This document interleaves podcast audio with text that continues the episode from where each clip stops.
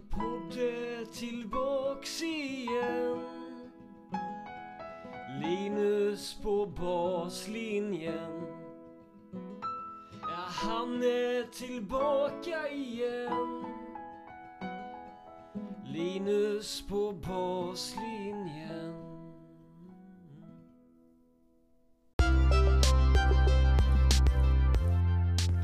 Då är ni välkomna till ett nytt avsnitt av Linus på baslinjen podcast.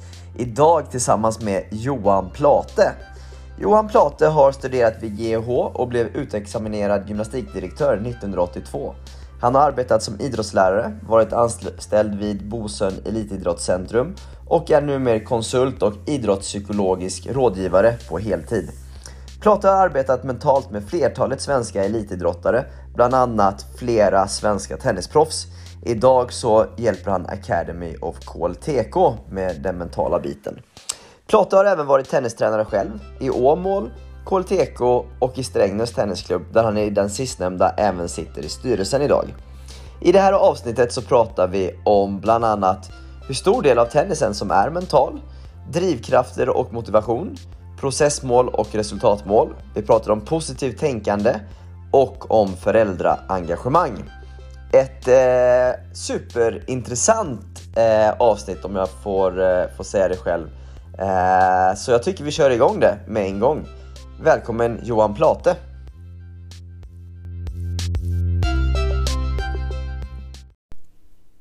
Då har jag den stora glädjen att få hälsa Johan Plate välkommen till podcasten. Oj, man tackar, man tackar. Det är jag som ska tacka Johan. Mm. Du har ju varit eh, ledare och tränare i lite olika tennisklubbar. Vi pratade lite före. Eh, Åmål, KLTK och Strängnäs. Så du har Absolut. en tennistränarbakgrund. Det måste man faktiskt säga. Eh, det är väl det jag har. Någon spelarbakgrund blev det aldrig riktigt. Jag var bland de bästa juniorerna i Bohuslän-Dals tennisförbund då. Men de var på den tiden i alla fall förmodligen det sämsta distriktet i Sverige. Eh, men har alltid älskat tennis men insåg lite eh, omgående att det är nog tränarskapet jag ska ägna mig åt. Så jag har faktiskt enligt den gamla skolan all, alla tränarutbildningar. Jag tog då steg tre redan 1985 i Båstad. Mm. Då var jag i och för sig ung då men, men så gammal är jag. Mm. Okay. Och sen dess har jag jobbat både ideellt och professionellt med tennis eh, ända tills nu. Just det, just det. Eh, vad, vad, vad, du har varit involverad i liksom olika föreningar på olika sätt. Då. Vad, tror du om framtiden för, framtiden för föreningar inom tennis-Sverige? Ja, alltså det där är ju en jättestor fråga. Jag tror att det traditionella sättet att driva ideell verksamhet står under beskjutning mm. eh, och har utmaningar. Det gäller inte bara tennisen. Mm. Eh, utan det kommer nog att bli ändrade organisationsformer. Det tror jag absolut. Mm. Vi ser det i fotbollen med 51 regeln. Det är ju den som gör att vi inte kan dominera i internationellt trots att vi har ett landslag som är bra.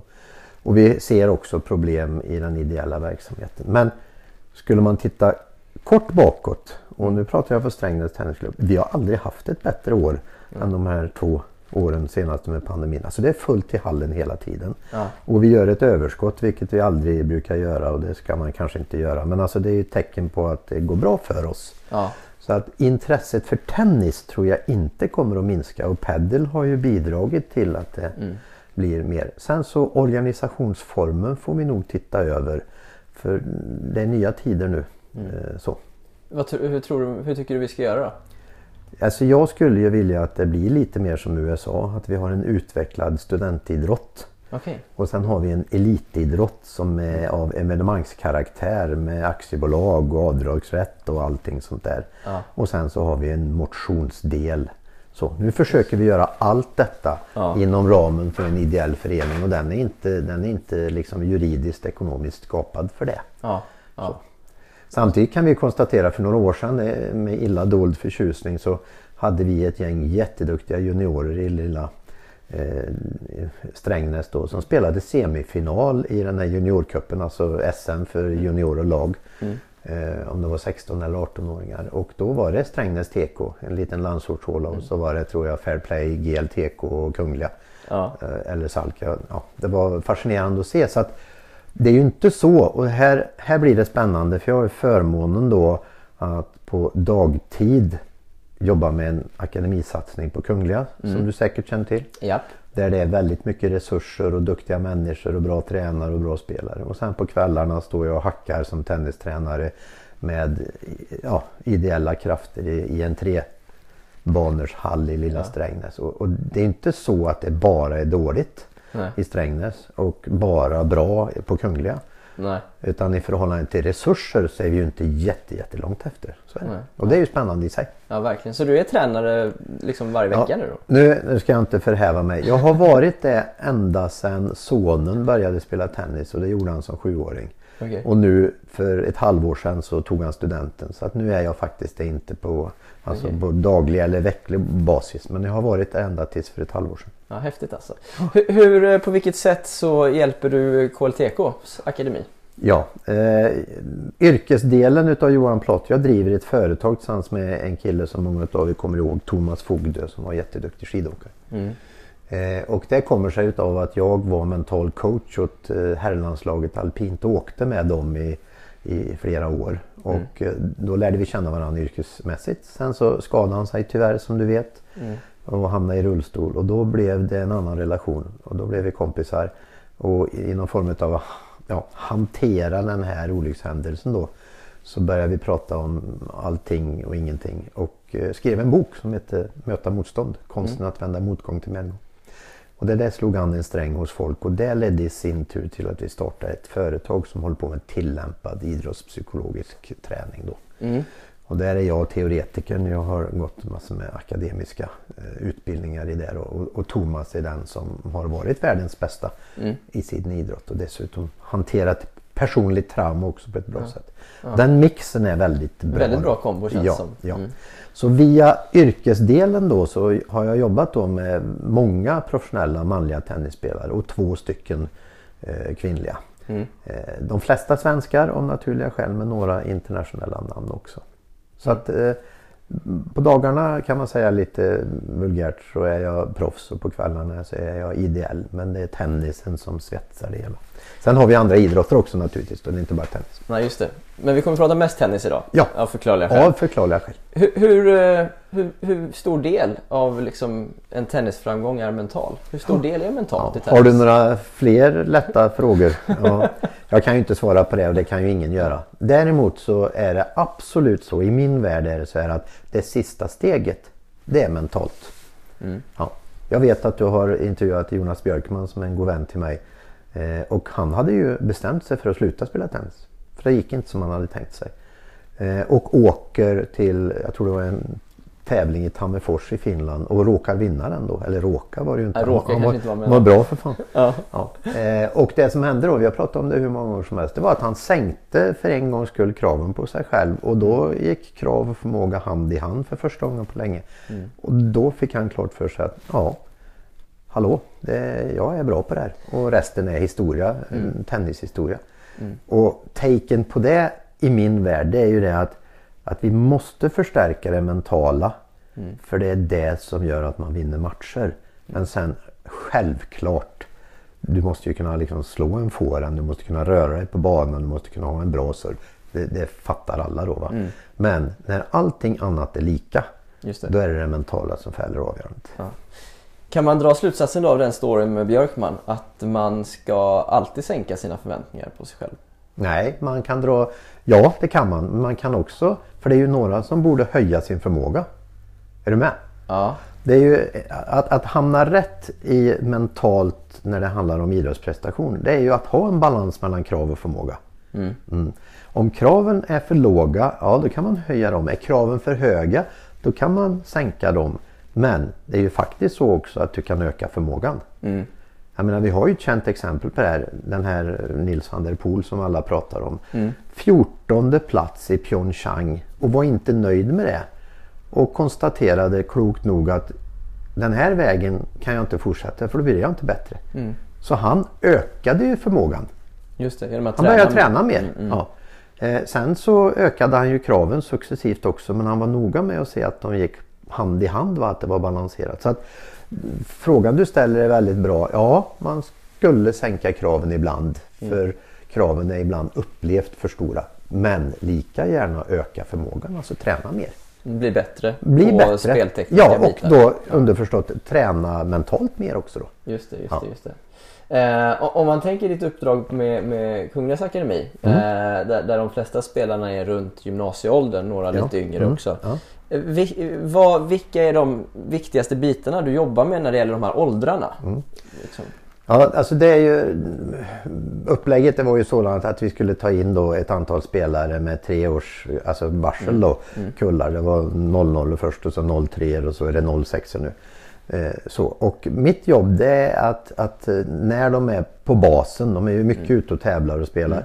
Men när de är på basen, alltså på Kungliga i Stockholm, då ska jag finnas där som ett mentalt stöd. Och så följer vi ett program. De har vissa saker som hela gruppen måste gå igenom någon form av grundskola i mental träning. Men sen så är det kraftfullt individualiserat så jag följer upp dem då på en individuellt plan. Då.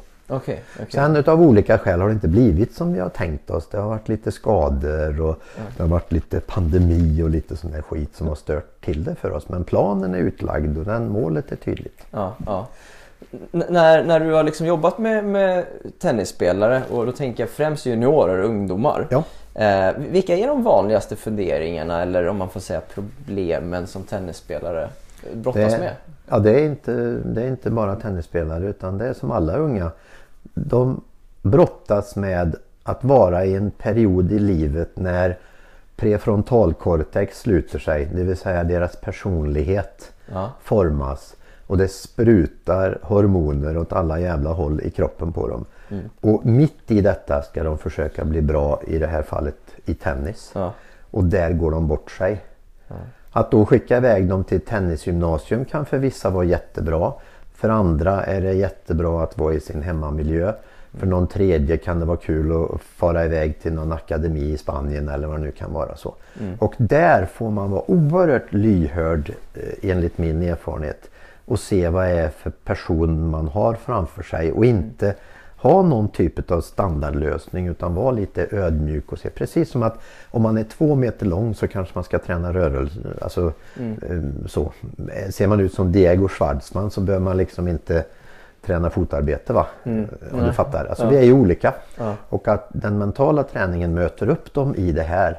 Men ska jag ta bort eller koka ner det till en enda faktor som är väldigt vanligt då är det självförtroendet som sviktar. Ja, det är så. Ja, de Okej. kan göra vad som helst på en tennisplan och de är världens bästa på riktigt på träning och har en enorm bollträff. Ja. Och sen så ska det till att avgöras i en stor final va? och då får de gråsnuva, det vi kallar. Men det är självförtroendet det har att göra med då? Ofta är det det ja. Mm. Så att, eh, och, och det kommer sig utav att man tror inte att man är tillräckligt bra eller om jag nu missar den här finalen kommer tränaren att säga upp bekantskapen då eller kommer föräldrarna att sluta prata med mig och sånt där. Men, men, men så här, det är ju lätt att säga då liksom att jo men tro på dig själv. Mm. Men, men hur jobbar man upp ett självförtroende? Ja, där kom den andra jättefina frågan. Hur många timmar har vi på oss? Ja, vi har några. ja vad härligt. Nej, men så här är det Linus, att, att i min värld så är det tre saker som vi tränar då. Det ena är ju självkänsla. Mm. Eller bassjälvkänsla kallar det. Och det andra är självförtroende kopplat till en förvärvad färdighet. I det här fallet tennis då, att jag är jävligt bra på det. Och sen det som kanske fäller avgörandet när det sen är dags att bli proffs. Det är det vi kallar för self-efficacy, alltså situationsberoende självförtroende. Okej. Och då är det bara ut i skiten och jobba. Det är liksom det som gäller då. Ut och spela mycket grade 4 och grade 3 och ITF och kvala till Grand Slam junior och allting sånt där. För att helt enkelt pröva på hetluften då. Ja, Så, utsätta sig för mycket tajta situationer. Men på din fråga så är hur tränar man bassjälvkänsla? Ja, då brukar jag säga ja, välj rätt föräldrar brukar jag säga då. Och det är ju svårt och det är ju elakt så. Men alltså det är ju en, det är en del som grundläggs tidigt. Eh, Det är vuxna, ofta en förälder, som är signifikant när det gäller att utveckla det här. Eh, Där är inte problemet, för de kommer inte till oss så att säga. Är det så att de har problem med självkänslan på en grundläggande nivå, då kanske man inte blir bra i idrott. Men de två andra grejerna, de tränar vi. Det vill säga självförtroende kopplat till en färdighet, tennis. Ja, Hur kommer du till rätta med det? Jo, du tränar tennis. Mm. Och du gör det jävligt högkvalitativt, det vill säga du tränar med hög kvalitet, det vi kallar för positiv inlärning. Alltså att du lyckas oftare än du misslyckas. Det finns ju en klassisk övning som är mm, precis motsatsen och den höll vi på med länge när jag var ung som tennistränare. Det är att man ställde ett bollrör eller en bollkartong i servrutan och sen skulle man träffa den med serven och så fick man en läsk eller någonting. Så det var Ja. ingen, ingen jävel som träffade den. Så, och därifrån gick man med bilden utav att jag är ganska oduglig. Så att säga. Så. Och bara det att man ökar på målen och kanske varierar träningen gör att självförtroendet förbättras. Men det är träningen som ligger i botten. Och sen det tredje, det är ju mental beredskapsträning. Det är det som du gör som gör att du vinner stora matcher eller tajta matcher. Och då tränar vi på det helt enkelt. Vi börjar ett G med att ligga under med 0,40. Just det. Ja, och så Ja. tränar vi på att ta oss ur det då i en lugn träningsmiljö. Jag har till och med varit med om att vi har publikljud inspelat på läktarna som börjar bröla precis i en servrörelse när det pågår spel på banan bredvid. Och så skapar vi den här. Så att välj rätt föräldrar, träna mycket och syssla mycket med mental beredskapsträning. Det vill säga sätt dig i jobbiga situationer, lös dem. Okej. Då, blir du, då får du ett gott självförtroende. När du jobbar med de här bitarna med en eh, juniorspelare, är Ja. föräldrarna inblandade då också? För de fyller ju en väldigt viktig roll då. Du har ju kommit hit för att skicka in brandfacklor. Nu kommer nummer tre här. Ja. Föräldrarnas roll i tennis och i idrott är ju intressant och speciell. Eller hur? Ja. Och du har ju träffat eh, tennisföräldrar och idrottsföräldrar som är speciella kan man uttrycka det. Och så har du träffat sådana som är precis rätt på det. Min uppfattning kopplat till det, eftersom föräldrar är föräldrar, de är dessutom vårdnadshavare ända tills man har så ska de involveras i processen. De ska vara väldigt delaktiga, men de ska inte vara tränare. De ska vara föräldrar. Så. Eh, och där är jag så. Jag har haft många diskussioner med tennisföräldrar där jag har tvingats att be dem att eh, förhålla dig till det faktum att du är förmodligen världens bästa förälder. Men det finns tennistränare som är bättre än du och låt dem göra sitt jobb då. Just det. Ja. Så att, eh, men det är eh, alltså de allra flesta föräldrar är jättehärliga och kloka och engagerade. Ja, så. Men det finns ju avarter Ja, naturligtvis. ja. ja, det är en, en lite speciell roll i, i Man får, aldrig idrotten. glömma, man får aldrig glömma dock att, att eh, alla älskar ju sina barn och vill dem väl. Ja. Sen kommer det ut lite tokigt ibland. Just det, Mm. just det. Eh, du, du berättade här före vi började spela in att du, du har rest med lite spelare på, på tävlingar och, och den biten. Mm. Och då tänker jag att mental träning är ju egentligen ett långsiktigt arbete. Absolut. Det tar tid, precis som med allt annat, att bli bra på det. Ja. Vad, vad fyller liksom en mental rådgivare för funktion på plats då under en tävling? Är det att släcka bränder liksom då? Ja, nej, under tävling så sitter jag på läktaren och myser och tar en paraplydrink brukar jag säga. Ja. Nej, men alltså arbetet ska ju vara gjort innan. Det är ju möjligtvis så att någon fysio eller någon naprapat eller sjukgymnast kan göra skillnad under en match. Men inte en mental coach och heller inte en tränare. Utan det är ju så att du ska ha redskapen, de ska du ha med dig ut. Så att min roll under en tennismatch eh, det är att njuta eftersom jag älskar tennis. Men det är att observera också. Och se vad som har hänt med det vi bestämde skulle hända. Sker det på tennisbanan? Sen springer jag aldrig in i ett sidbyte. Det har hänt en gång i hela min karriär. Och det var en professionell tennisspelare, svensk, duktig som fan. Som ringer i ett regnavbrott och frågar en mycket simpel fråga. Hur ska jag tänka? Hur ska jag göra? Ja. Och jag ger ett råd, dum som jag var. Och han går ut och vänder matchen och vinner. Ja, vad Ja, häftigt. fast det var ju bara tur. Det hade förmodligen hänt ändå. Så. Ja, Det är inte säkert. Jo, nej, vi har ju aldrig någon kontrollgrupp, så att, men jag tror inte det. Utan en mental rådgivares uppdrag det är att skapa trygghet över tid. Ge möjlighet till olika handlingsalternativ. Alltså förse dem med den mentala verktygslådan. Det är inte att förse adepten med möjligheter att inte känna nervositet exempelvis. Just det. Jag brukar säga så här, när, när folk som inte är införstådda frågar vad är mental träning? Ja, istället för att ha en föreläsning på tre timmar så frågar jag så här, Linus, vad gör du om det kliar på kroppen? Vad gör du då? Kliar mig. Då kliar det. Vad händer om du inte vet var på kroppen det kliar? Och jag bakbinder dina armar så att du inte får klia. Ja, då blir du förmodligen vansinnig efter ett tag, eller hur? Ja, ja. Så en mental coach uppfattning eller roll, är bättre ord, är att förklara var det kliar, varför det kliar och i en dialog hitta på sätt där du kan klia tillbaka. Okej. Är du med på den? Det handlar inte om att jobba bort ett självförtroende som är sargat eller att jag ska jobba bort min nervositet. För det är ju kroppens sätt att göra dig stridsberedd. Just det. När jag jobbar med proffsen så säger jag så här, den dagen, du ska vara glad för att du är nervös, matchdag. Ja.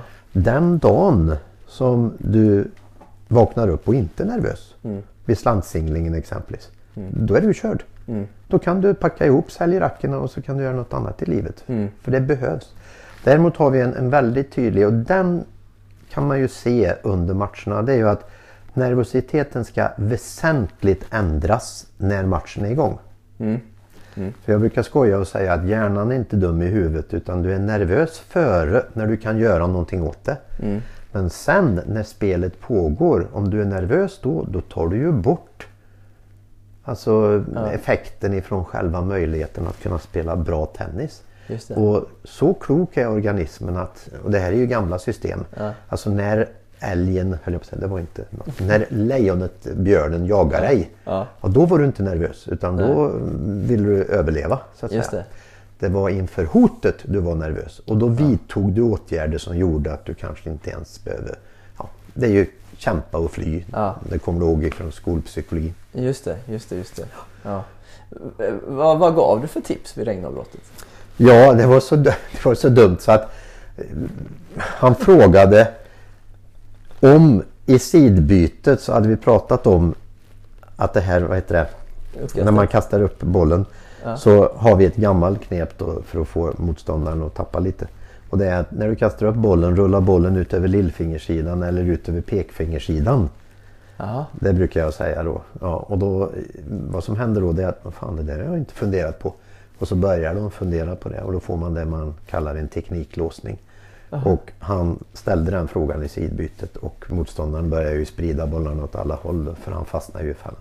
Det är ju en variant utav trash talk så jag är inte Men alltså spelaren, din, din spelare frågade Fråga. motståndarens ja, spelare? I ett sidbyte. Och sa, eller fråga inte utan sa vad bra du servar. Ja. När du kastar upp bollen rullar du den ut över lillfingersidan eller över ping, pekfingersidan.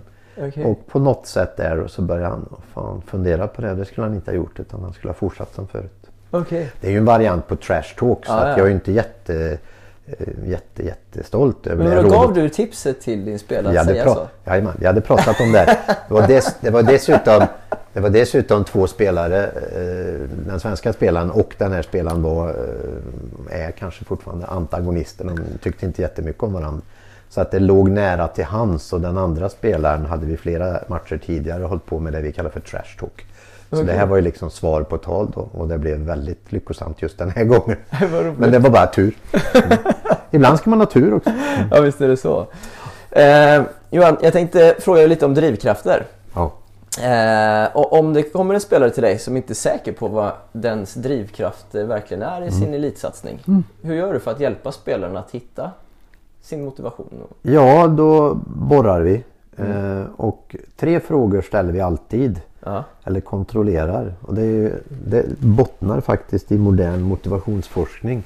Eh, det finns en teori som heter SDT, Self Determination Theory. Ja. Som du säkert har hört talas om. Och den stipulerar egentligen tre frågor eller säger att om de här är på plats då har du en hög motivation. Okej. För att nå ditt mål, vad det nu kan vara. Ja. Och det ena är då att man upplever att du blir bättre. Kanske inte för varje träningspass men för varje vecka. Att kompetensen ökar. Ja. Det andra är att du är autonom. Alltså i den meningen att du får vara med och påverka ditt träningsupplägg, ditt matchupplägg och så. Mm. Och det tredje det är att du tillhör en positiv social grupp. Alltså att det är kul att komma till träningarna. Okej. Så det är första checkpointen då. Va? Och sen när vi har gjort det då tittar vi på vad är det för målsättning de har. Mm. För det vet vi från empiri och forskning att målet påverkar ju resan väldigt, väldigt tydligt. Då. Ja. Ja. Så där börjar vi. Men det har hänt att eh, när vi har provtryckt det här och, det blir liksom röda ljus överallt. Då har jag, ja, men varför skulle du hålla på med tennis då? då? Okej. Finns det ju annat som är roligare. Men då kan man landa i att man behöver byta miljö man Ja, är i ja, till exempel om ja, inte det ger mm, en ja. positiv eh, Om- effekt. Om det inte är kul att komma till träningen exempelvis. Då kanske jag ska byta klubb eller världsdel eller land eller eh, gå på college i USA eller något. Och om inte målsättningarna finns på plats Mm. då kallar, kopplar ni in tränaren då till exempel då att man då- gör målsättningar tillsammans Ja, ja. eller? Vi jobbar alltid i en treenighet med tränare, adept och mental coach. Och Okej. i vissa fall då föräldrarna då. Det beror på hur gamla de är så att säga. Just det, Det gör vi ju inte med sådana som är 20. mm, Nej. För då får föräldrarna vara just föräldrar enbart. just det, just det, just det. Eh, och då när det kommer, alltså goal setting, alltså sätta mål och nå dem. Det är ju en vetenskap i vetenskapen inom Ja. idrottspsykologin. Just det. Så där kan det ju bli ganska avancerat. Men hur avancerat jobbar ni oftast? Är det Mycket kortsiktiga, avancerat. långsiktiga mål, Alltså- drömmar? Ja, allting det. Alltså väldigt avancerat om det är en yrkesspelare. ja. För att då skriver vi ett kontrakt som säger att du och jag, jag ska resa med dig kanske tio veckor per år. Eller Ja. vi ska ses eh, varje vecka. Eller jag menar det här med akademisatsningen Kungla, ganska avancerat för att vara så unga människor. Då? Ja. Så där, där finns alla möjligheter för spelarna att få hjälp med goal setting, få hjälp med motivation och så. Sen landar det ju Linus alltid i knät på spelaren. Alltså vill jag göra det här? Är jag beredd att göra det? Och där märker jag att det är jätte, jätte, jättemånga som säger att de vill bli yrkesspelare i tennis. Men det är inte lika många som när de förstår vad som krävs är fortfarande lika sugna om man säger så. Är det många som säger att de vill men inte förstår vad som krävs? Eh, ja, bland unga spelare. Ja. Men sen är det många som säger att de vill och när de förstår vad som krävs då skjuter de ut sig. Och på ett sätt kan jag tycka att det är ganska vaket det. Ja. Eh, så. För om du satsar allt på ett kort. Ja. Du hoppar av skolan när du är 14. Och, och riskerar, det är, alltså, det är ju inte jätte... Det finns säkrare kort att satsa på.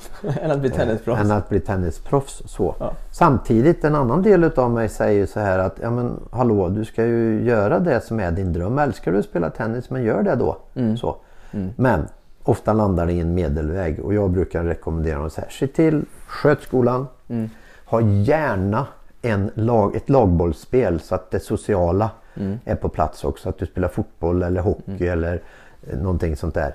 Eh, åtminstone spelar dubbel och inte bara singel höll jag på att säga. Ja. Så att du får det sociala. Eh, och så bestäm dig inte för tidigt. Nej. Just det. Ja. Och då, då det brukar bli. Och, och tittar man på våra toppspelare Ja. så påfallande många har varit duktiga i andra idrotter ganska högt upp och valt ganska sent. Jag tänker på en sån som Anders Järryd som är lika gammal som jag. Han var ju allsvensk eh, alltså juniorlandslagsman i bandy i Lidköping. Samtidigt som han var kanonbra i tennis. Och vad jag förstår så valde han ganska sent i karriären Ja. tennisen då. Och, och då menar jag 15, 16, 17 år. Och det är ju sent nu för tiden. Just det. Eh, och resten är historia brukar man säga. Ja, ja. Eh, och jag tror att eh, om man tänker så så är det ganska skönt. Jag menar tennis lyckades inte, ja men då har jag skolan. Mm. Ja, skolan lyckades inte, ja då har jag tennisen. Just det. Så, så att man inte skjuter med kula utan man skjuter med hagel. Det finns en poäng med det också. Det är Ja. det att tennis, hur roligt den är, så kan man ju överdosera tennis. Ja. Har man en skolklass att gå till eller ett sidointresse eller ett lagbollsspel att landa i. Mm. Då tror jag att det, det bidrar till att tennisen blir bra också på sikt. Just det. Kan det liksom bli att man dödar drömmar också? Genom att Absolut. vara tydlig med vad som, det här behövs för att bli proffs. Och så bara, oj. Fast det får du inte göra. Det, det, dödandet det, det, är ju, det är ju spelaren själv som gör det.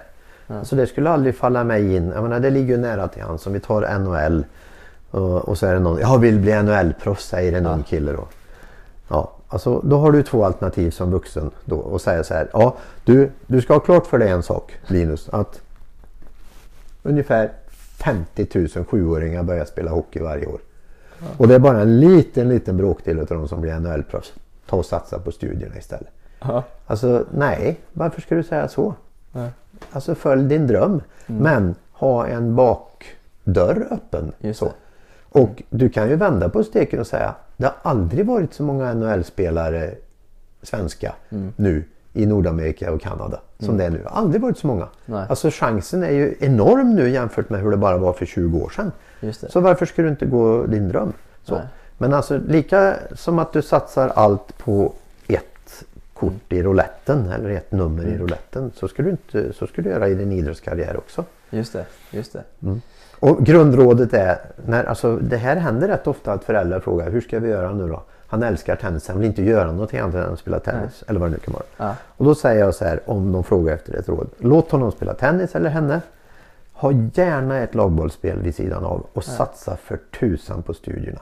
Inte bara för att jag är studievän och gammal idrottslärare. Det är inte bara det. Utan att man kan faktiskt överdosera till och med tennis. Samtidigt blir den internationella konkurrensen hårdare och hårdare. Ja. Med fler som satsar tuffare och tuffare i yngre åldrar. Det är rätt? Går det att kombinera studier för långt upp i åldrarna då? Ja, jag tror jag. Det är kombinationen, eh, alltså det är upplägget helt enkelt. Det går inte att kombinera det traditionella sättet att studera, alltså från 8 till 17 eller 8 till 16 varje dag och sen projektarbete på helgen. Men man kanske går en treårig linje på fyra år, det finns sådana försök i Sverige. Eh, Man kanske har tennis på förmiddagen och så har man skola på eftermiddagen eller tvärtom. Ja. Eh, Så, så att eh, det här med Alltså det, ju, det finns ju inget absolut förhållande mellan hur många timmar du står på banan och hur bra du blir. Utan det är ju kvalitet. Just det. Det är ju som apropå Nils van der Poel då, som är på mångas läppar nu. Då. Jag har en bror som är läkare, allmänmedicinare och också mental rådgivare. Vi har skrivit böcker ihop och pratar mycket. Och då så lyssnade vi på presskonferensen eh, då och sa ja men jag tränar sju timmar per dag, fem dagar i veckan och så är jag ledig på helgen. Och min brors bara torra kommentar var att 35 timmar, han kom inte ens upp i full arbetstid. Som är 40 timmar. Han såg det på det sättet. Precis, Just ja. det, han tränar för lite Nils. Ja, Nej, det var, inte- det var inte min bror, så var det. Det var en, en kompis till mig, men det spelar mindre då. Ja, vad roligt. Ja, det går att se det med olika gl- Ja, glasögon. Jag menar 35 timmar i veckan. Vanliga människor jobbar ju 40 timmar Ja, i just veckan. Ja, Nils får steppa upp till nästa OS. Ja, ja. Eh, om eh, du, jag och även du då är ju Ja. te- tennistränare. ja. Mm, eh, och eh, jag, jag tänkte fråga lite vad du tänker om drivkrafter hos tränaren. Mm. Eh, för om man sätter upp, jag upplever en, jag har haft diskussioner med, med vissa om att om jag sätter upp mål för mig som tränare så bygger de mycket på att spelaren gör resultat. ja. Om jag vill någonstans i min karriär så bygger det på att min spelare presterar. ja. Och det finns en viss problematik i det, tänker jag. Vad, vad tänker du kring det?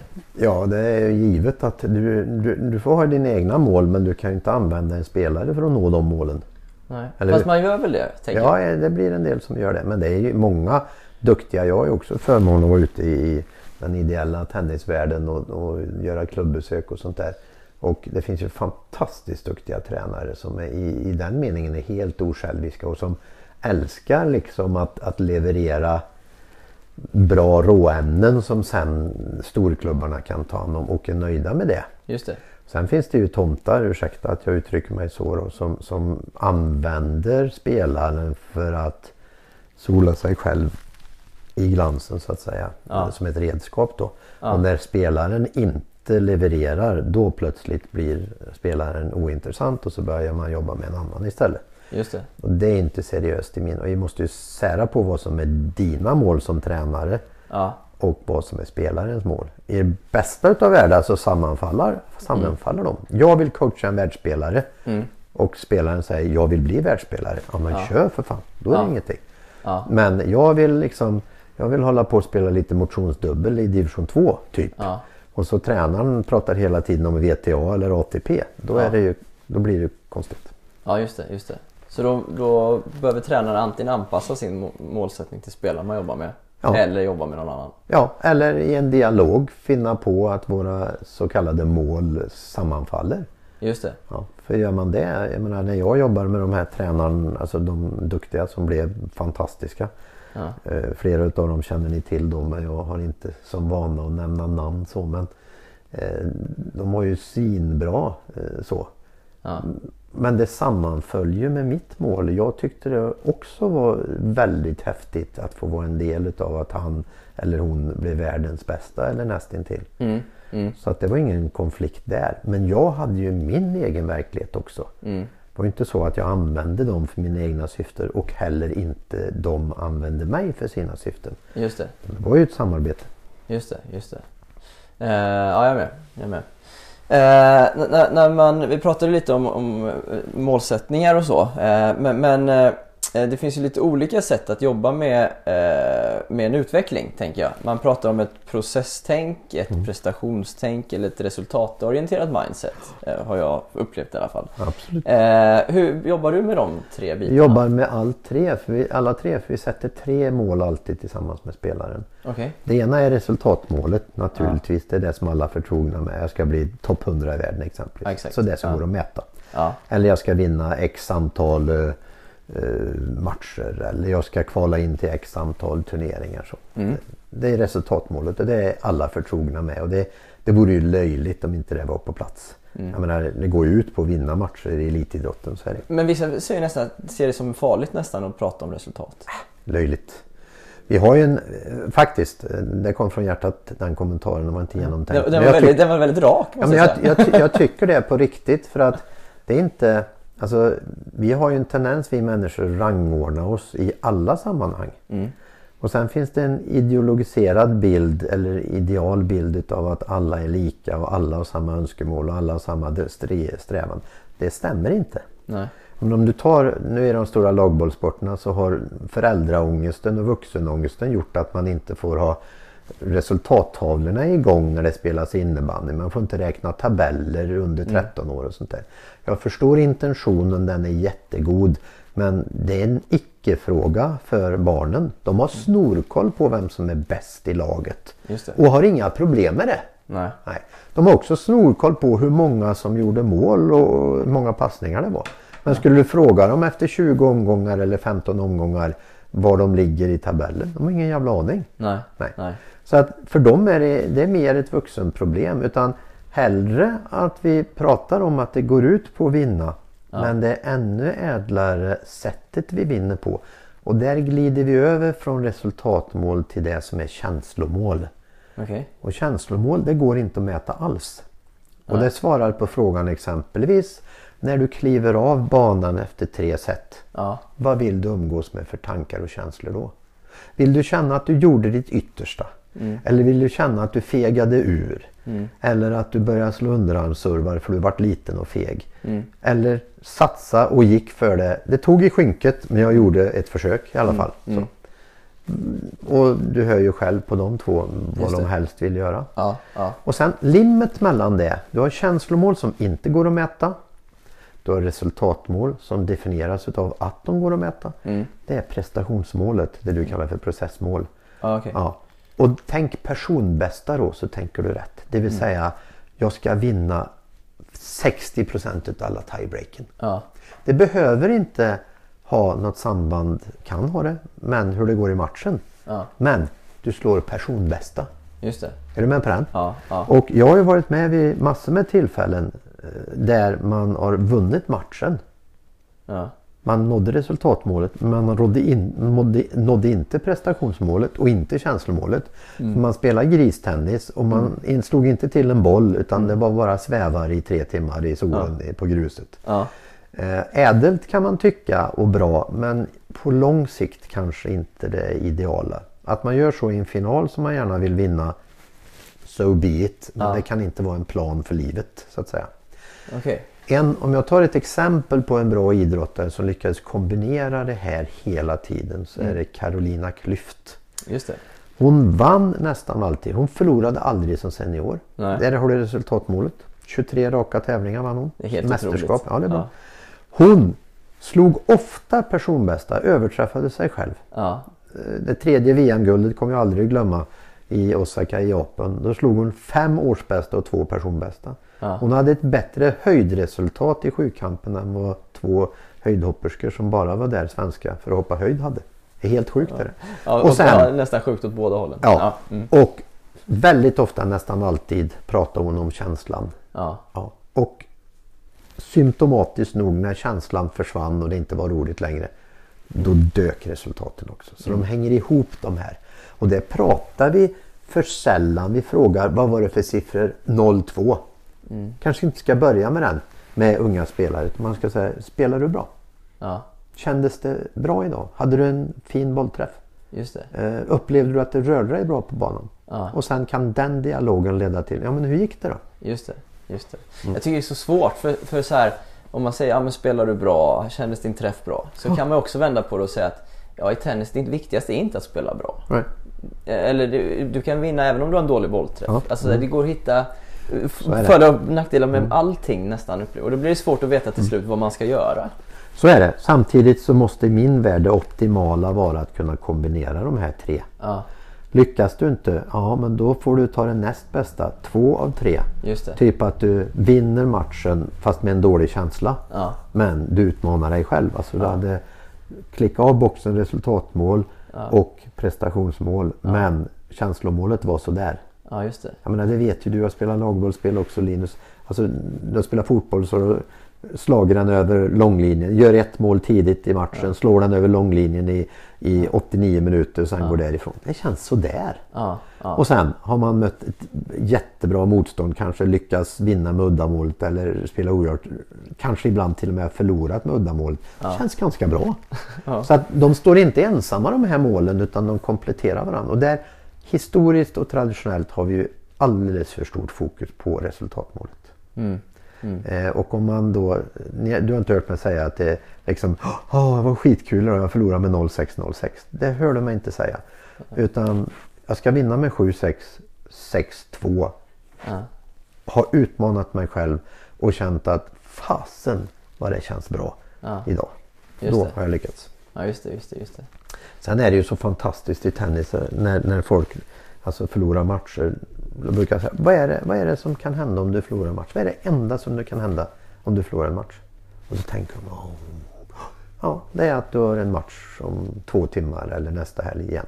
Ja. Det enda. Ja, Och till det så kan du nu ta stöd i hur de blir äldre och äldre i världseliten. Det är ju fascinerande. Mm, Både på herr, särskilt herr men även damsidan. Alltså en del kommer ju få skjuta och dra av plan innan de ger sig. ja, Så ja. du behöver ju inte ha brådska heller. Nej, nej. Nej, verkligen. Jag menar de är ju 38, 39, snart 40 år. Ja. Topp tre herrarna. Ja, Och Williams och några till börjar bli till åren också. Spelar fortfarande fantastisk tennis. ja, ja. ja. Det är häftigt faktiskt. De är så otroligt, eh, Ja. otroligt bra. Det är en, det är en trend eh, i min värld för att Alltså du var slut som elitidrottare när du var 23, 24, 25 år. Nästan oavsett idrott för Just det. Mm. Nej, så är det ju inte längre i alla fall. Nej, nu kan du stå i mål i NHL och vara 40 år. Det är Eh, perfekt. Om man går ner i nivå lite Ja. eh, och pratar liksom mer om, om tennisskolan Ja. i, i kl- i klubbar som, Mm. som du är familjär med. Eh, vad, vad tycker du tränaren, eftersom du tränar själv, vad har tränaren för ansvar i att motivera barnen som kommer till träning? För det är ju klassiskt där med att barnen vill inte och Mm. Nej. så vidare. Vad tycker du man Föräldrarna vill, barnen vill inte. Ja exakt. Ja, nej, alltså, för mig är det ju... Alltså jag kickas ju av. Jag tycker det är jättekul att jobba med eliten så. Ja. Det är fantastiskt att sitta i Wimbledon eller på, på Flushing Meadows. Det är fantastiskt kul. Är det. det måste man ju erkänna. Ja. Men det är helt galet roligt att snubbla ner till Strängnäs tennishall och se när Joel, sju år, plötsligt knäcker koden hur han ska få till uppkastet i serven och sätter tio raka första servar. Alltså det Ja. är ju helt sagolikt. Man får liksom gåshud. Så. Ja. Så det är fortfarande det som driver mig då. Men motivationen måste komma inifrån. ja, det är så. Absolut. Du kan inte tvinga någon till att tycka det är kul. Men du kan underlätta för dem. Och då har vi några sådana grejer i min värld som jag tycker är självklara. Positiv inlärning exempelvis.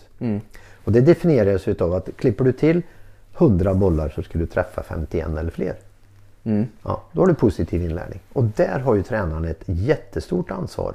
Att organisera träningen på det sättet att man ofta, mer än 51% av gångerna upplever att man lyckas. Just det. Ja, Just och det. det är ju bara organisatoriskt. För där har tränaren ett stort ansvar. Sen måste ju spelaren slå till bollen också och göra sitt bästa. Så. Jag brukar säga det här att det är en fantastisk övning om du tar en, en boll och så skickar du den till en ATP-proffs och så ber du att han eller hon, VTA, ska sk- sk- slå tillbaka så jag kan fånga den. Fantastisk övning. Kommer att lyckas 95 utav 100 gånger.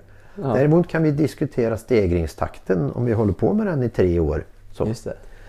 Problemet är ju att vi börjar ofta för svårt. Mm. Och så får vi backa bandet istället för bollarna sitter överallt utom in i plan. Mm. Ja. Och där har ju tränarna ett ansvar, alltså pedagogiskt ansvar. Och, och det här med kötennis och att mycket tid går åt till att samla bollar. Eh, Man kan liksom höra det. Ja, nu slår du tre bollar och så samlar du sex bollar och så ställer du dig sist i kön. Fan, du behöver inte en tennishall för att samla bollar. Nej. Jag är också, förlåt nu får jag folk på mig, men som gammal idrottslärare är jag motståndare till att värma upp på tennisplan. Alltså värma upp med slagen naturligtvis. Men att hålla på med gymnastik och, och uppvärmning och höja pulsen, det kan du göra innan tävlingen. Det. Eller eh, träning. Ja. Du behöver ingen hall för det. Nej. Utan på tennisplan där spelar vi tennis i olika Ja. varianter. Så. Ja. Ja. Så att Just positiv inlärning, att det ska vara roligt. Jag brukar skoja och säga att mitt mål det är att adepterna, barnen, ska lämna träningen med en tår rullande på kinden. Ja, det. Inte för att det har varit tråkigt utan för att det är så långt till nästa träning. Ja, just det. Är du med? Ja, jag är med. Det är bilden jag vill ha då. Och då skojar jag naturligtvis. Nej, Men, men jag fattar. metaforen fattar de flesta. Då. Just det, just det. Ja. Och det är ju det som är kul. Alltså att, att, att lägga upp det så att någon själv kan knäcka koden. För det är rätt komplicerat tennis och du måste över en liten tröskel för att det ska bli kul på riktigt. ja, det Och när man ser hur de liksom snubblar över den där tröskeln och märker att oh, jädrar, så där kan jag göra och så gör de det. Och så. Det är häftigt. Ja, ja. Eh, du, du sitter i styrelsen i, i Strängnäs, eller hur? Eh, hur eh, vad har du för tankar kring hur man motiverar liksom, tränarkåren? För, för det är också en, en diskussion i Sverige hur vi ska dels höja statusen på tränaryrket men det är också många klubbar som upplever en, en liten brist på tränare. Eh, vad tänker du kring det? Ja, det finns ju mycket att tänka kring det. Eh, Vi har i många omgångar försökt att få tränare till vår klubb. Nu har vi ett antal fantastiska tränare och, och jag vill namnge en här som heter Eva-Lena Olsson som halva tennis-Sverige känner till. Hon är helt saglik. Eh, Och vi har lyxen att ha henne i vår lilla eh, sån. Hon har erfarenhet av professionellt spel, hon har suttit i Tennisförbundets styrelse. Hon är en fantastisk tränare, kan ta barn och vuxna rakt upp och ner, är omtyckt av alla. Ja, Alla har inte den turen. Eh, Och efter att ha sökt med ljus och lykta mm, med tränare som ska komplettera henne så har vi lagt om fokus nu. Så vi Okej. tränar, vi, vi tar alltså intern rekrytering. ja, Så vi har en stor kader utav unga duktiga tennisspelare som också håller på med tennisträning. Och så får de börja med, med lite enklare varianter på grupper och sen så bygger vi underifrån. Utav, dels för att det är nödvändigt, vi får inte några tränare. Eh, och det finns inte så många att tillgå. Alla vill inte flytta till Strängnäs, konstigt. Eh, så det är vår strategi nu. Men den, den krassa frågan det är ju att om vi hade kunnat erbjuda 70 000 i månadslön, fri bil, 20 veckors semester. Eh, så. Då hade de stått i kö. Så att statusen...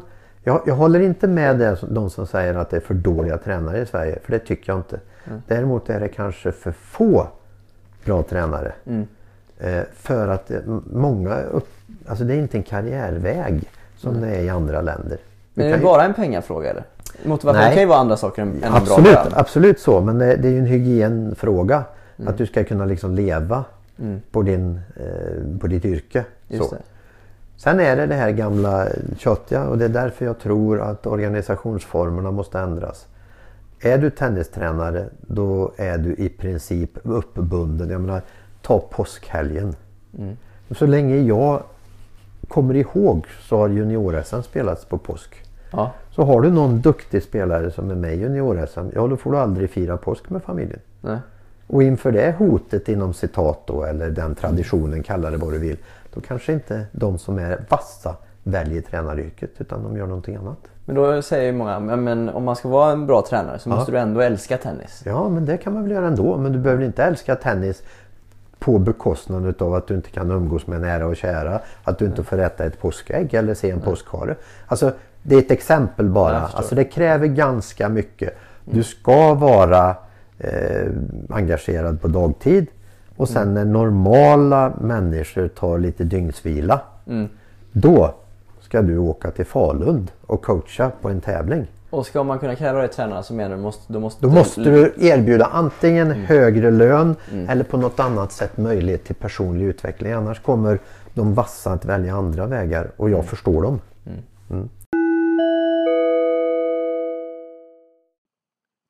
Vi är denna vecka sponsrade av House of Bontin, destinationen för smarta tennis och paddelträningsverktyg. Den här veckan vill House of Bontin lyfta fram sitt träningsredskap Surmaster lite extra. Surmaster är tennisträningsverktyget som effektivt lär dig grundtekniken i serven.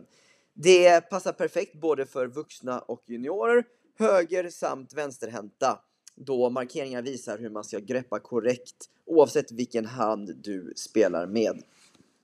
Eh, med Sur- Surmastern så blir serveträningen lite både roligare och kanske effektivare när du ska lära dig sving, svingen och eh, rätt eh, rörelse. Vill ni införskaffa er egen Surmaster så använd rabattkoden LINUS på houseofbontin.se så har ni 15% rabatt på den. Tack så mycket House of Bontin!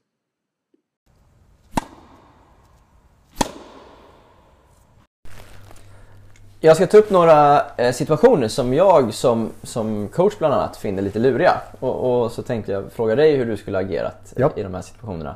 Eh, bland annat tycker jag att det under en match är ganska svårt när min spelare tydligt blir negativ på banan. Ja, Eh, och det kan vara på en träning också i och för sig. Eh, det behöver inte vara att spelaren beter sig dåligt liksom med att kasta rack och skrik, men, men ett dåligt kroppsspråk.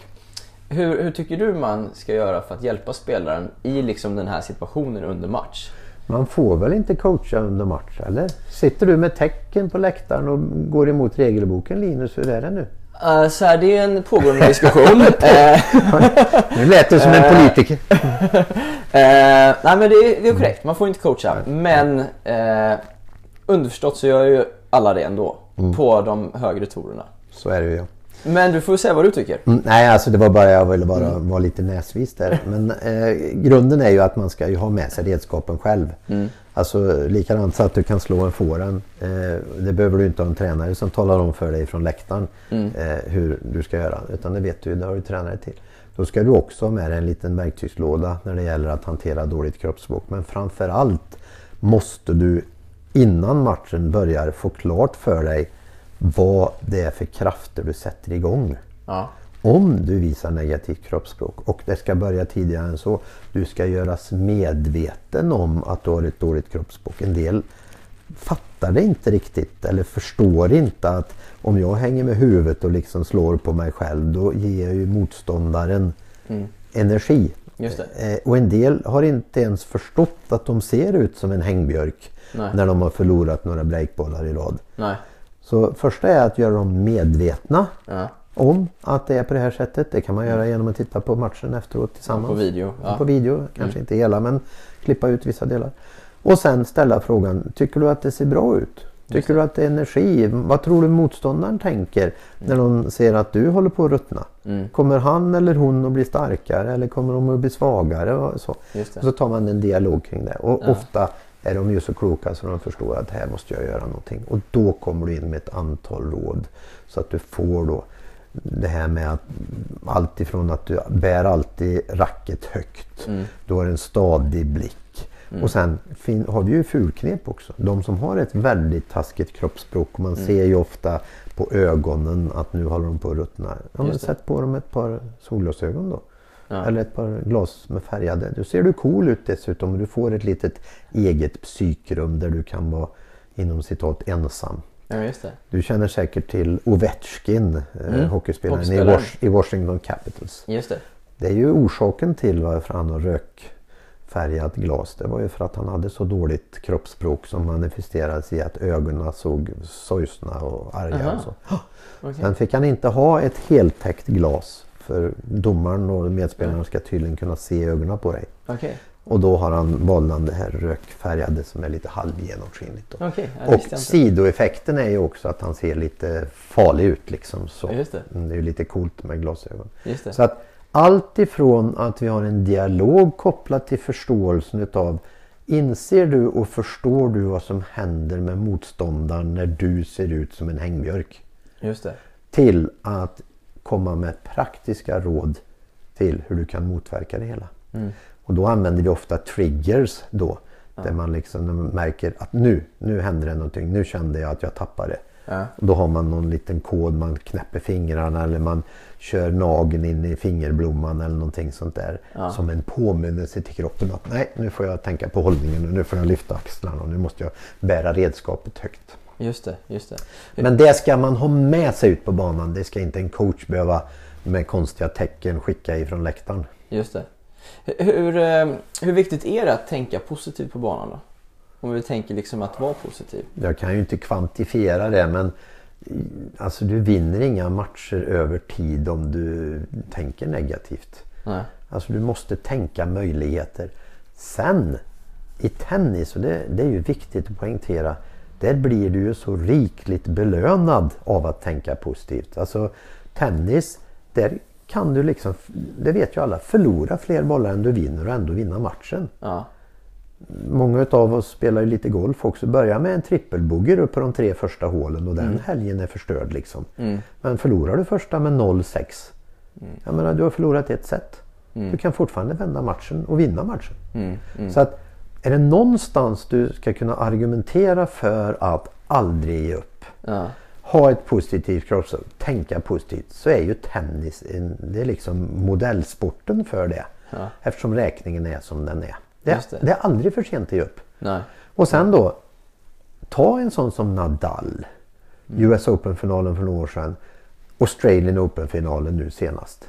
Alltså det är ju en provkarta. Det är bara att visa för din adept. Så här kan man göra. Ja. Ja. Han kommer ju liksom tillbaka. Han vinner ju till och med matcher när han inte ens spelar bra. Han hittar ju vägar att vinna ändå. Mm. Mm. Så. Och sen tar ju det där och ger näring till själva processen. För har du en gång vunnit ett sånt här eh, tajt läge, kunna vrida dig ur greppet, vinna matchen.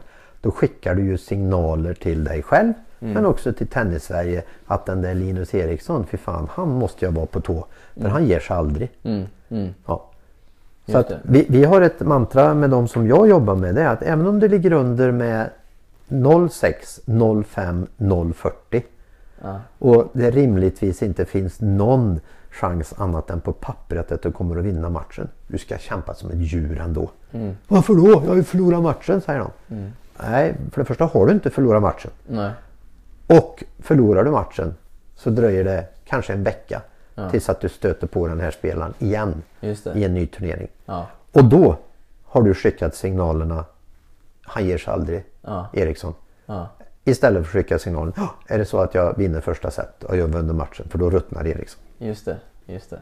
Så att det, det är ett spel över längre tid i min värld än som bara ryms av de här två eller tre seten Ja, i just den här matchen. Ja, men så är det. Och även på högre nivå så om man Absolut. pratar ranking så är det ju Ja. över 12 månader. Mm. Ja. Som, eh, ja.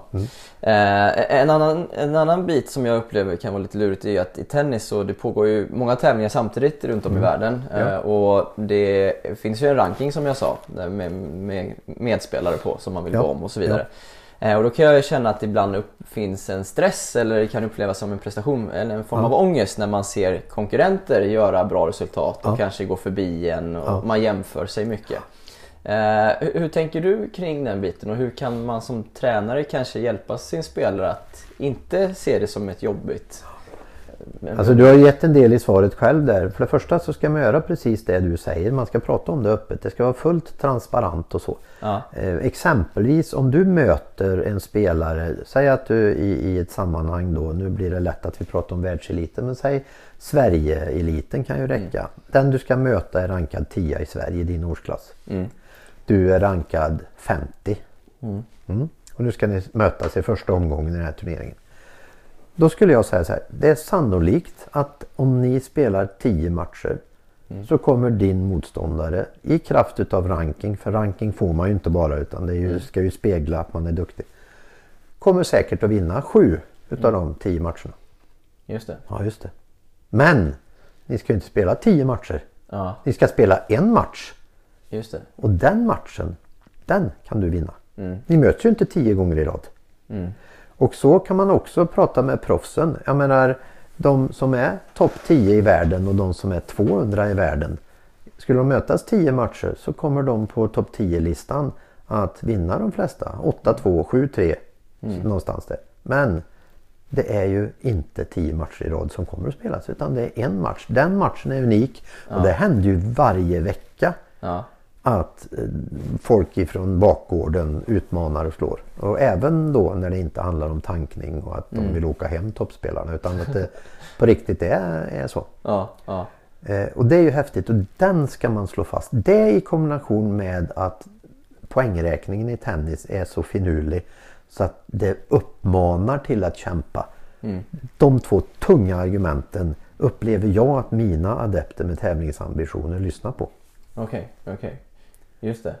Eh, precis, så att man liksom hela tiden ska känna att jag har, jag har också en chans, eller jag har en chans att ta mig förbi eller uppåt. Så är det. Sen är det ju så här att alla har ju börjat någonstans. Jag menar, alla har ju stått där eh, som fem sexåringar och, och inte träffat bollen. Liksom, Även toppspelarna var ju nybörjare från början. Ja, Så den resan måste man ju påminna om också.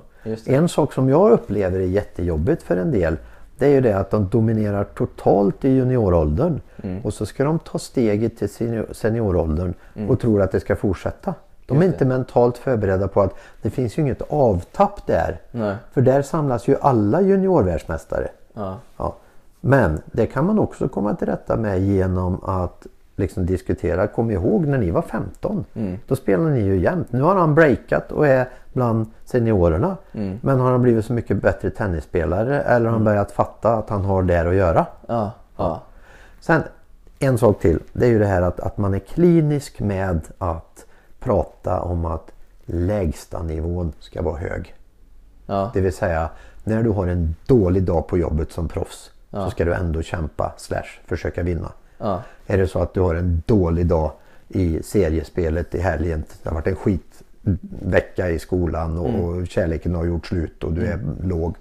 Försök ändå att leverera så att det är en hög lägsta nivå för det är det som definierar proffsen ifrån de som är bra men en nivå ner. Just det, just det. Ja, jag är med. Mm. Eh, vi har redan touchat det lite men, men eh, något som jag själv har funderat mycket på är hur, man ska, vilken, hur mycket respekt man ska ha för motståndarnas nivå. Ingen alls. Eh, nej, eh, nej för precis för, för ibland tänker jag att vissa utgår ju från att jag kan slå alla. Så här, liksom, Mm. den, den här matchen tar jag och så vidare. Jag kommer ju kunna vinna den här tävlingen. Och sen Mm. Den här man, borde jag slå. den här borde jag slå. Mm. Eller så kan man resonera, ja, men det här, den, motståndaren är bra, vi ska inte underskatta honom eller henne. Eh, vad det, är, liksom, det här blir tufft. Så här. Mm. Hur, hur tänker du? Är det bättre att gå ut och tänka, ja den här vinner jag? Nej, alltså inte när du sätter det så som du gjorde utan du ska kartlägga spelaren och ta reda på allt. Och säga att det här är en fantastiskt duktig spelare. Han har vunnit de tre senaste eh, vintertourtävlingarna. Ja. Han är fantastiskt duktig. Ja. Så. Men han har en knackig fåran. Ja. Och nu möts ni på hardcourt. Förut har det varit lite långsammare underlag som ni har spelat på. Så att där finns chansen. Det vill säga att aldrig stänga bakdörren. Ja. Utan, och jag tror inte heller, ja, men den här tar du lätt. Du är i en hysterisk form. Du kommer att vinna det här lätt. Och det har du ingen jävla aning om för att du vet ju ingenting Nej. om den här spelaren. Utan var transparent. Tala om det som är fakta. Alltså hitta, hitta inte på saker. Ja. Om den här killen liksom säger att eh, om tränaren säger att han är jättebra och han har bara haft tur i tre turneringar i rad. Det är ju löjligt. Just Då gör man ju sin spelare en otjänst. Utan prata om det som är verkligt eller upplevs vara verkligt. Och Okej. så ta det därifrån.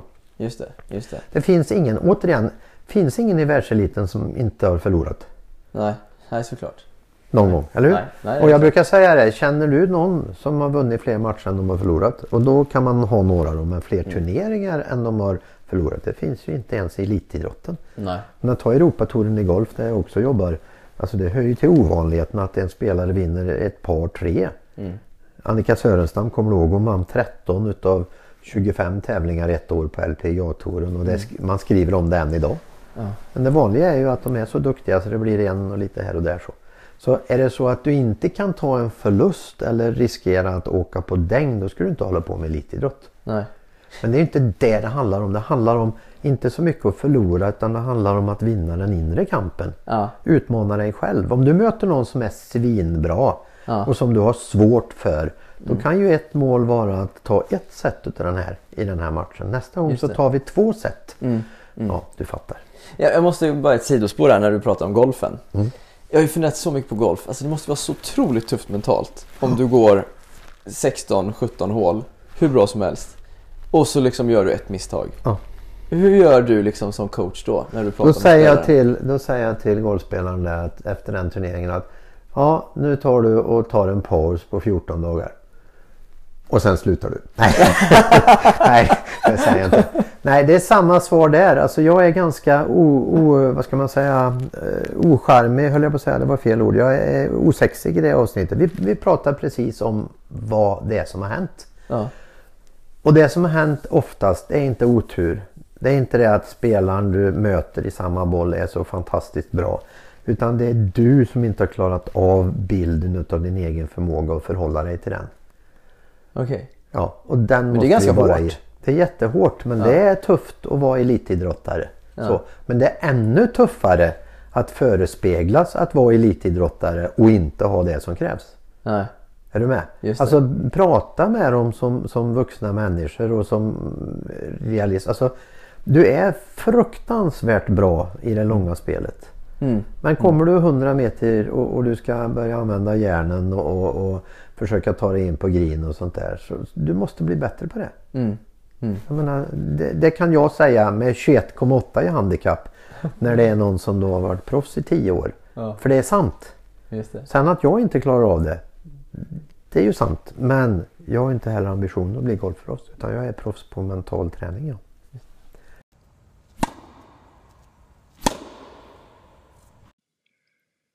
Då är det dags att lyssna på ett klipp från avsnittet med Mikael Andreasson.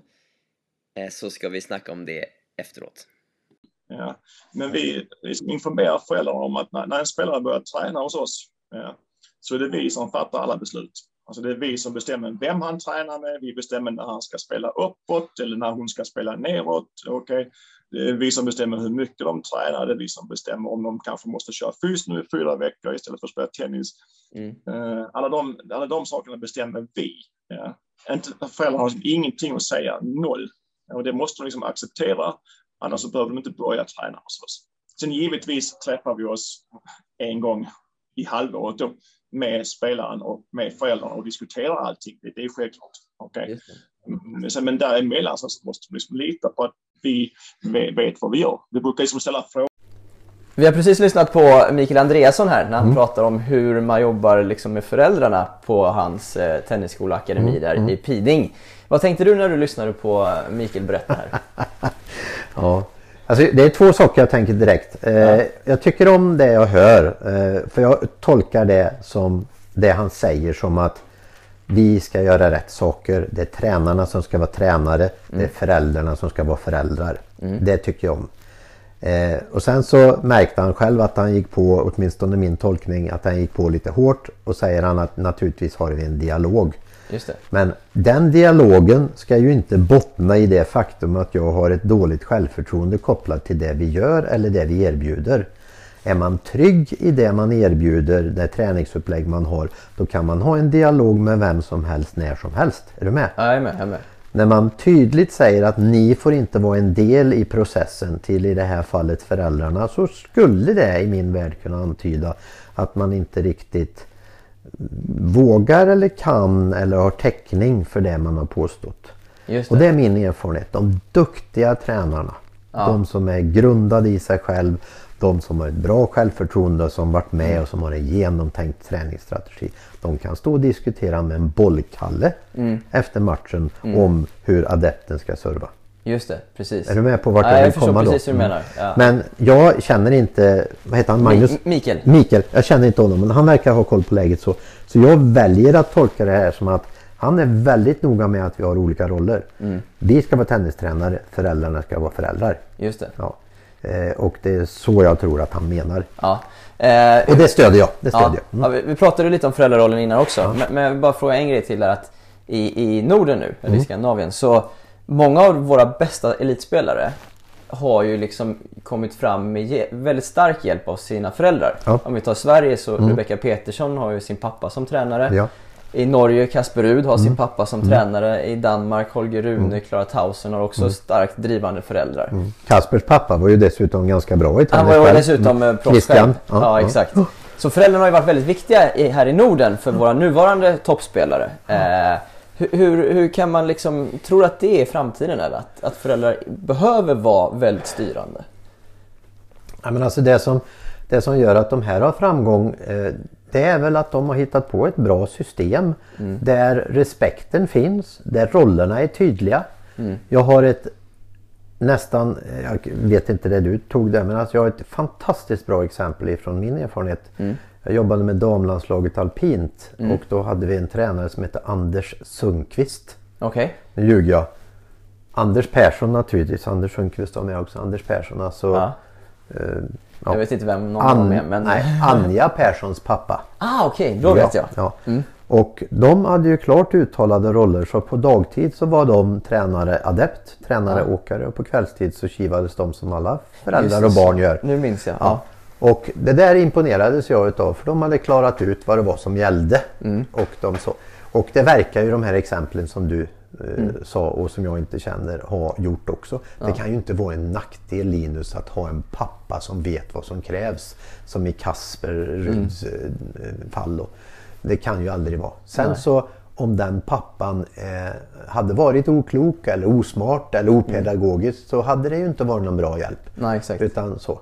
Ja. Eh, så att kan man bara klara ut rollerna så måste det väl vara bra. Alltså jag, Mm. jag är inte anhängare till att man ska stänga ute föräldrarna ifrån sina barns utveckling. Nej. Varför skulle det? Alltså vi föräldrar kräver ju inom citat att vi ska kunna få påverkan när det gäller talutveckling, när det gäller motorisk utveckling, när det gäller social utveckling. Varför skulle vi inte få ha en åsikt om tennisen då? Just det, just det. Men samtidigt, om jag inte själv är gammal proffsspelare i tennis, då kanske jag ska lita på att tränaren kan göra sitt jobb. Ja, ja Jag sitter ju inte i tandläkarstolen och talar om för tandläkaren att han eller hon ska borra på ett speciellt sätt, eller hur? Nej, så Men är det jag, men jag kan kliva ner på tennisbanan och säga att min dotter ska spela forehand så här. Ja.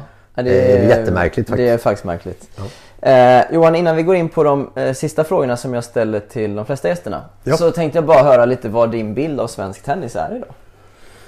Eh, ja, Hur- jag, har inte, tennis? jag har inte en heltäckande bild eh, alls eh, så. Men jag rör mig ändå i tennis-Sverige. Jag är inte jätteorolig som alla andra är som säger att eh, här kommer liksom, tennisen kommer att dö. Utan klubbtennisen, det jag ser, den är stark. Den är livkraftig. Ja. Det är många duktiga medarbetare, många duktiga tränare och föräldrar som jobbar stenhårt ideellt inte minst.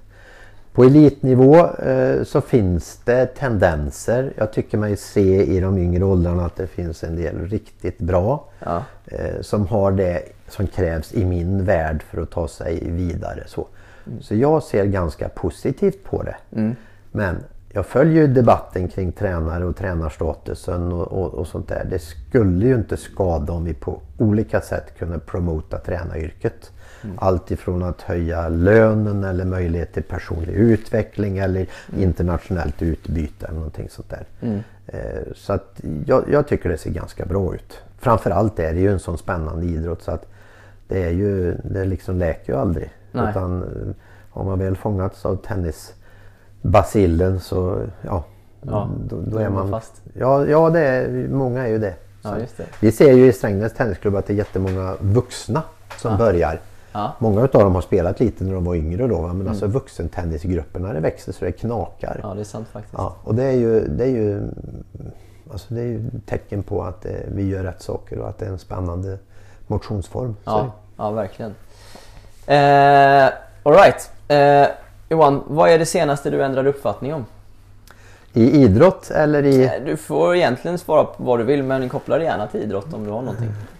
Jag ändrade uppfattning om en elitidrottare, jag ska inte nämna namn, som jag då oklokt nog lyssnade eller skaffade mediabilden av och sen så hörde jag honom uttala sig i allmänmänskliga och idrottsliga frågor och vart grymt imponerad och skämdes som en hund.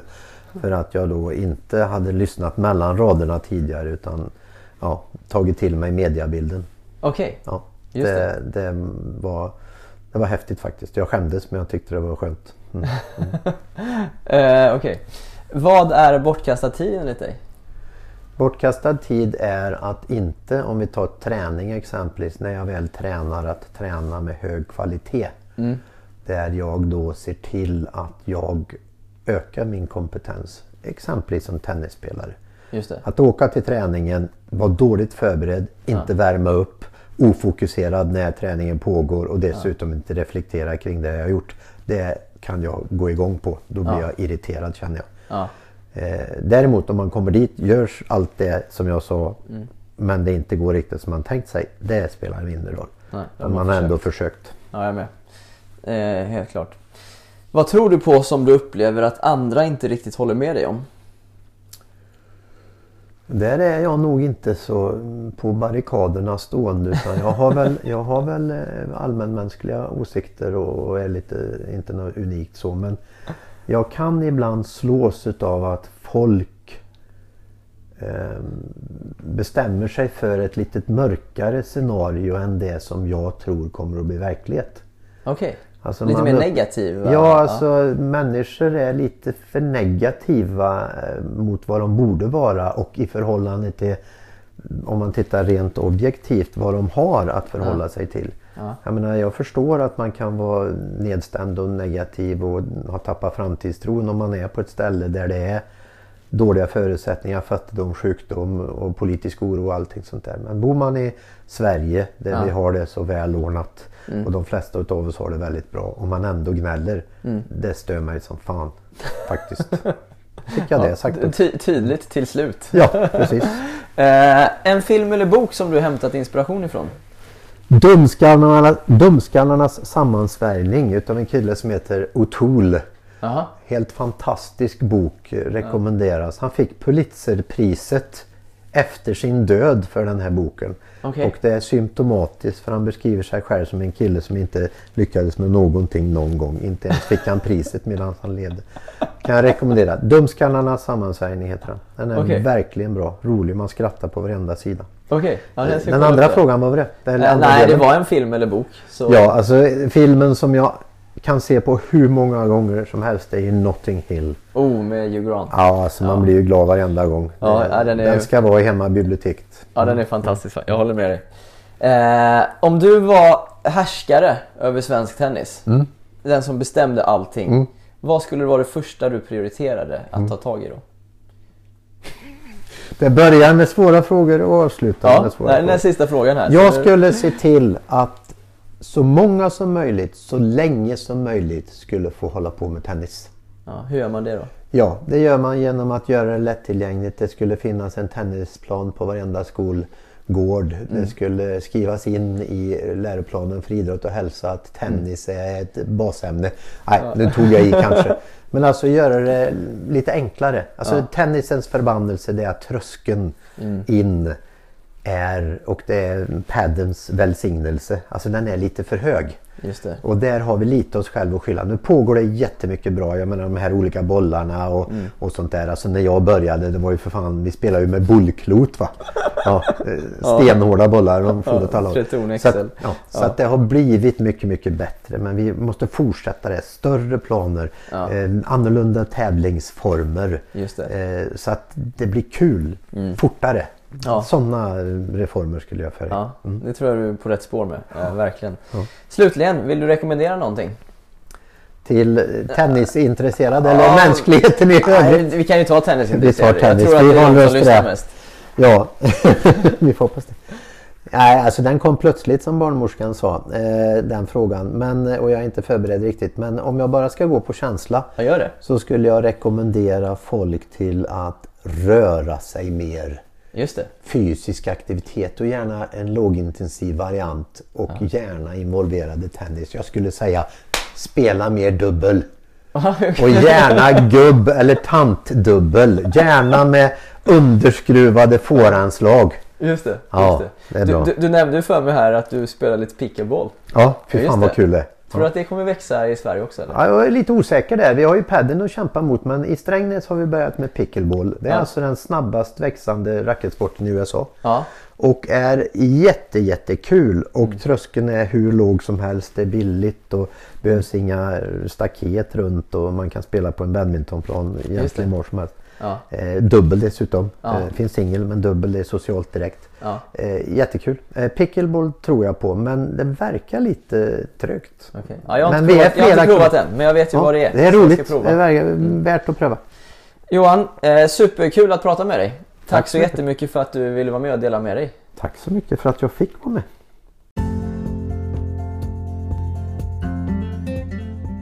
Något som jag har funderat på mer och mer den senaste tiden är det här arbetet med, med målsättningar.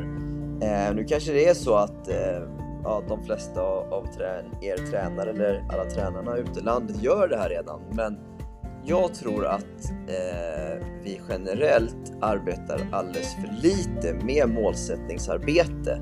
Och då pratar jag inte om minitennisspelare eller de som är där en gång i veckan för att köra dubbelkungen. Eh, men, men med spelare som har någon form av ambitioner, eller som har lite mer ambitioner, så tror jag att, det, eh, att man skulle kunna jobba väldigt mycket mer och bättre med att sätta upp målsättningar. Och då kan, eller om jag, i alla fall om jag går till mig själv som tränare. Eh, och därför var det kul att få, få prata lite med, med Johan om det här och det, han var ju väldigt tydlig med att de spelarna han hjälper eller har hjälpt så har han ju jobbat ibland ganska detaljerat med just att sätta upp olika former av målsättningar. Så det tar jag med mig från, från det här samtalet, att jag, eh, det kändes som att mina tankar den senaste tiden fick i alla fall lite vatten på sin kvarn, att här finns det en stor utvecklingspotential, i alla fall hos mig själv eh, och vem vet, kanske även hos hos andra tränare eller spelare där ute. Eh, och även det här pratet om föräldrarollen tyckte jag var, var intressant. Eh, det är också en tanke som har växt hos mig mer och mer hur otroligt viktiga föräldrarna är och eh, hur, vi, hur i många fall det nog faktiskt är så att det är föräldern som ska, ska vara drivande. Ehm, finns det en tränare som, som kan lägga ner sitt, sitt, eh, sin själ i att jobba med en spelare så är väl det troligtvis kanske det allra bästa. Men i många fall är det ju inte så. Eh, tränaren har kanske inte tiden eller viljan. Eller så kanske eh, liksom tjänsten i klubben inte gör det möjligt. Och, och då känns det som att ju, ju fler personer jag pratar med desto, desto mer klarnar nog bilden att det kanske är föräldern som som behöver dra det tyngre lasset då eh, och att det inte behöver vara fel. Eh, att, det kanske, att vi kanske ska vara lite, lite öppnare och lite ärligare med att det nog är så det behöver vara eh, i många fall.